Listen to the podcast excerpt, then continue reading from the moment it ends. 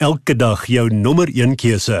Radio Deugerberg 104 FM. Dis ons weeklikse geselsie met 'n kenner in die ateljee oor verhoudingsprobleme, oor die lewe. Ag, sommer net oor algemene probleme. Want ons wil eintlik hê jy moet by 'n punt kom waar jy sê ek kies lewe. So ons wil probeer om probleme aan te spreek wat jou moedeloos maak, wat jou lam lê en wat jou spoed breek. Nou die kenner van wie ek praat hier by my in die ateljee is Dr. François Swart. Hy is 'n kliniese en pastorale terapeut. So Dr. François vir jou tyd vandag weer kosbare tyd. Dankie, ons waardeer dit. Dankie, Lorraine, is 'n voorreg om saam met jou en die luisteraars te kuier. Dr. François, wanneer ons praat oor eenheid in die huwelik, spanwerk, dan klink dit vir my altyd asof party mense dadelik op hulle agtervoetjies is, veral vrouens hulle nekhare rys en dan klink dit vir my soos daai ou gesegde wat my pa altyd gesê het toe ons kinders was, as jy nou vir hom iets wil deel en jy gee nou vir hom 'n kleiner deel en jy sê vir hom dis die helfte. Dan kyk hy altyd en sal hy sê 50-50, one horse one rabbit. Dis glad nie 50-50 nie. En ek dink party vrouens voel so in 'n huwelik. Maklik om te sê alles is 50-50 en ons is gelyke vennote, maar in die praktyk werk dit nie so nie. So kom ons begin by die begin. Wat is eenheid in die huwelik? Is dit belangrik? En hoekom is dit belangrik? Ek dink dit eenheid is 'n ongelooflike woord en veral as gelowiges. Jesus wil juis, hy praat oor eenheid. Hulle moet een wees soos wat ek Vader met u een is. Bid hy daar in die hoëpriesterlike gebed. Eenheid om een van sin, een van hart, een van siel te wees is 'n fantastiese spreek veral vir 'n huwelik. Maar ons almal weet wat getroud is om daai eenheid altyd so te hou is nie maklik nie. En die vraag is, hoekom sukkel ons met eenheid? Want baie keer het ons ons eie agendas, Lorraine, in ons huwelik. Ons het verwagtinge hoe my maat moet wees. Dis juist Jesus wat vir ons kom leer het in eenheid dat partykeer met jou linkerhand nie weet wat jou regterhand doen nie.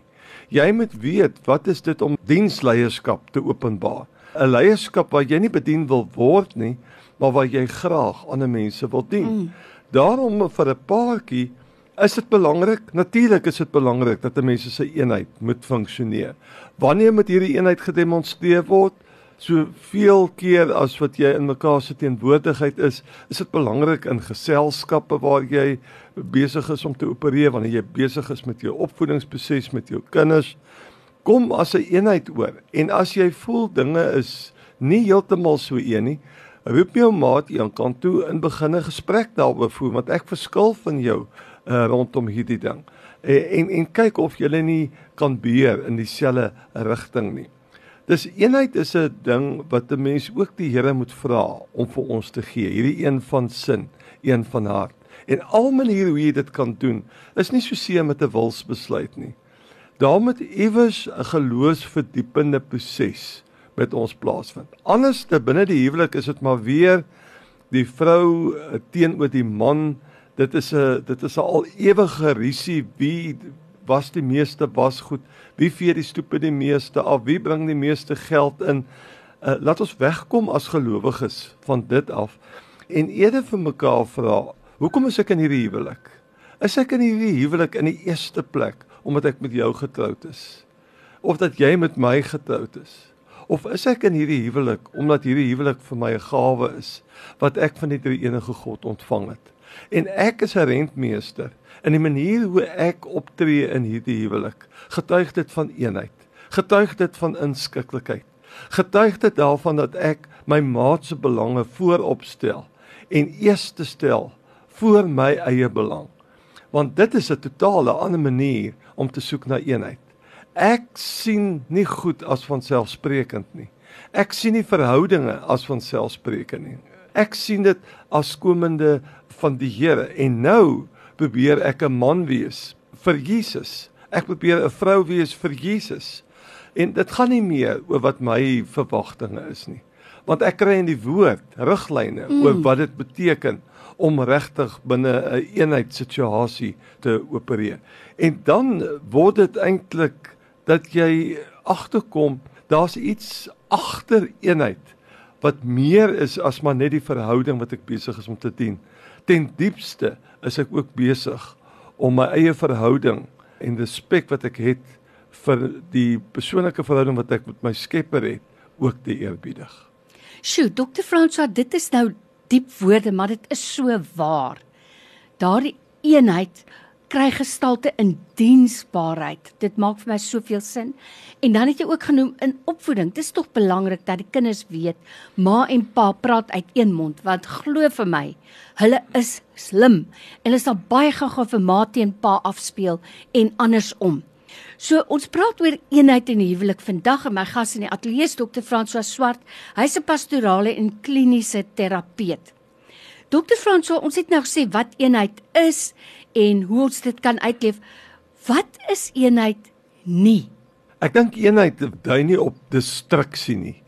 Eenheid het nie 'n moetswillige streep in hom nie. En ons moet altyd daaraan dink, eenheid erken uniekheid. Eenheid is is eintlik 'n fantastiese woord en binne die ruggraat van ons eie belydenis wat ons elke Sondag het ten opsigte van ons Skepper, praat ons immers van die drie eenheid. En daar's 'n hernuide belangstelling om weer te gaan dink oor die drie eenheid. Wat sê ons as mm. ons sê ons godskonsep is een, maar dit is tog drie. Om daaraan vas te hou en dit weer te oordink. Dis ek kan binne in my kollegiale rol of binne my huweliksrol of ouerlike rol kan ek vir my kinders 'n vriend wees. Maar ek kan dieselfde persoon wie ek is, kan ook vir hulle pa wees. Ek kan ook vir hulle geestelike leier wees. Ek kan vir my lewensmaat kan ek 'n hulp wees in die kombuis, maar ek kan ook 'n man wees, maar ek kan ook vir haar lief wees. Ek het verskillende rolle hmm. wat ek kan aanneem en dit alles dien die eenheid. Dis jou vraag is 'n baie interessante vraag. Wat is eenheid nie? Dis goed om te kyk na die Griekse woord wat die duiwel vir ons aandui. Die Griekse woord is diabolos. Mm. En as jy dit letterlik vertaal, beteken dit uitmekaar rukker. Dis ek sou sê wat eenheid nie is nie, is wanneer jy in 'n situasie inbeweeg en moetswillig goed uitmekaar uitruk. Dis die wese van die duiwel is is juis om nie eenheid te dien nie, maar is om destruksie te bring, om verwydering te bring, om nie die liefde te dien nie en elkeen is vir homself. Eenheid is om een van hart te wees en te streef dat almal gelukkig is, dat almal liefde ervaar, dat almal aanvaar word vir wie hulle is. Dokter François sou ek reg wees as ek ook sê dat eenheid nie beteken dat ek my eie persoon hoef prys te gee nie. Ons hoef nie oor alles saam te stem nie. Jy het dit net nou ook so mooi gesê. Dit beteken dat ek nog steeds uniek is, nê? Nee. Dis belangrik dat jy jou eie uniekheid moet behou, want dit is juis met jou uniekheid wat jy die eenheid dien, want jy bring 'n ander perspektief na dit. En eenheid het baie kante. Dis nie eendimensioneel nie. Dis veelkantig. Eenheid het baie skakerings, baie teksture en daarom die hele woord van eenheid moet ons weer gaan dink as luisteraars, as gelowiges.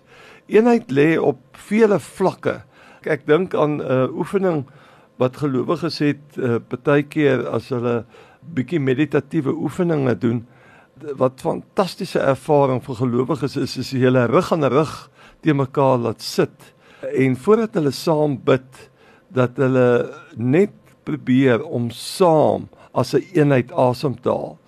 Nou wat gebeur wanneer jy rug aan rug sit? Ons doen dit met uh, tension release exercises 3 Suid-Afrika. Ons luisteraars kan dit miskien maar gaan Google, maar dit is ook oefeninge wat ons deesdae doen sodat mense van hulle spanning kan ontslaa raak. En wat 'n wonderlike ervaring as jy vir 'n oomblik saam met 'n medegelowige saam asemhaal. Sjoe. En 'n een eenheid word. Ek sien deesdae in die sport ook Eh, staan die spanne en die rugby spanne hou mekaar vas en vir 'n oomblik haal hulle as span saam asem om juis daardeur hulle eenheid te demonstreer.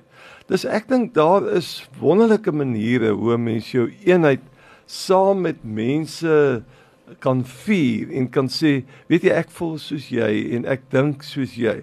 Ja, ons verskil van mekaar, maar ek het waardering vir jou en ek is so bly dat jy deel van my lewe is want jy help saam met my om aan die eenheid dan te bou in geheel.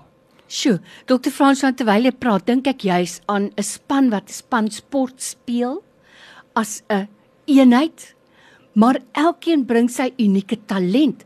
As ons almal nou net goeie skoppers was, naas Botas, dan het dit ons maar niks gehelp nie want dan het ons nooit die bal by die skopper gekry nie.